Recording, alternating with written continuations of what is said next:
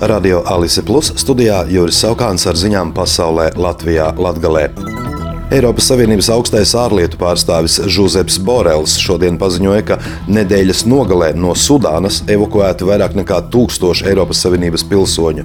Sudānā jau otro nedēļu turpinās kara darbības starp bruņotajiem spēkiem un paramilitārajām vienībām.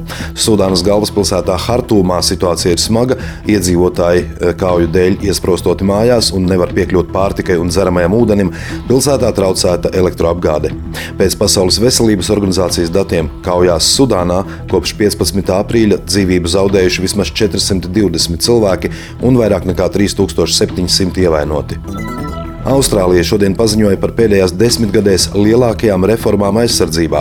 Aizsardzības ministrijas strateģiskajā pārskatā teikts, ka Pekinas militārās ietekmes palielināšana šobrīd ir vērienīgākā starp visām valstīm kopš Otrā pasaules kara.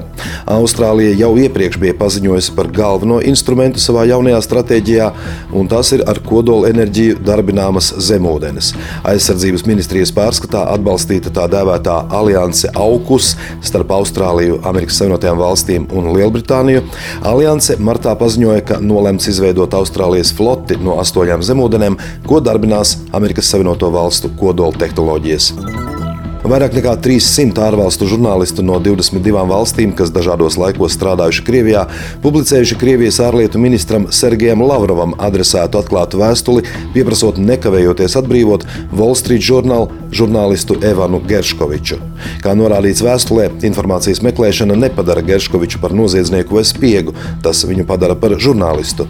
31 gadu vecais žurnālists tika aizturēts 29. martā Jekaterinburgā un aprīļa sākumā oficiāli apsūdzēts spiegošanā. Viņš tiek turēts izmeklēšanas izolatorā Ļefortovo.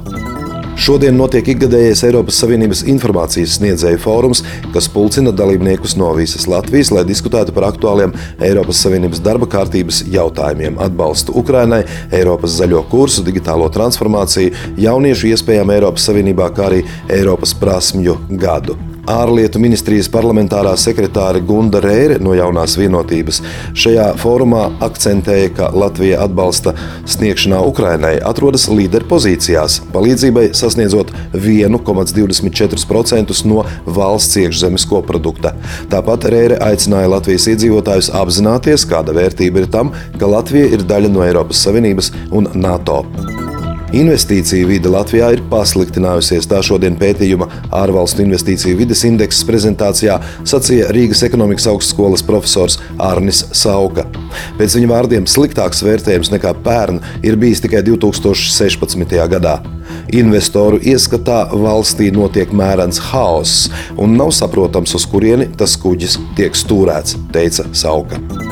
Ministru prezidents Krišānis Kariņš no jaunās vienotības šodien uzrunājot Doma laukumā sanākušos protestētājus, atzinis kavēšanos ar pedagoģu algu paaugstināšanas grafika izstrādi un apstiprināšanu, vienlaikus uzsverot valdības doto solījumu izpildi par pedagoģu algu celšanu. Kariņa uzrunu pavadīja klātesošo vilpienu un izsaucieni. Protestētāji piesauca gan politiķu lielo algu pieaugumu, gan arī ironizēja par to, ka 9 centus, kas vidēji esot papildus piešķirti pedagogam, nezinās, kā kā un kur iztērēt. Pūlis skandēja aicinājumus atkāpties un beigt melot. Pat labam streiks paredzēts trīs dienas, taču, ja pedagoģu prasības netiks izpildītas, Latvijas izglītības un zinātnes darbinieku arotbiedrību padome varētu lemt arī par streika pagarināšanu. Šonadēļ notiks ikgadējās Latvijas podnieku dienas, kas ievada māla meistaru aktīvu darba sezonu. Latvijas podnieku dienu ceplis šogad no 25. aprīļa tiks kurināts Reizeknas novada Ozolainas pagastā, keramikas darbnīcā Cukrasāta, bet galvenā izstāde skatītājus priecēs Lūznavas mūžas kultūras šķīvņī. Latvijas kultūra vēstures muzejā notiks zinātniska pētnieciskā konference par lietišķās mākslas jautājumiem. Reizeknas novada Maltas vidusskolas daudzfunkcionālajā zālē 29. aprīlī un 30. aprīlī notiks pirmais keramikas un tēlniecības simpozijas Masku balle. Ziņu apskatu pasaulē Latvijā Latgalē veidoja Radio Alise Plus informācijas un ziņu dienests. Studijā bija Juris Saukāns.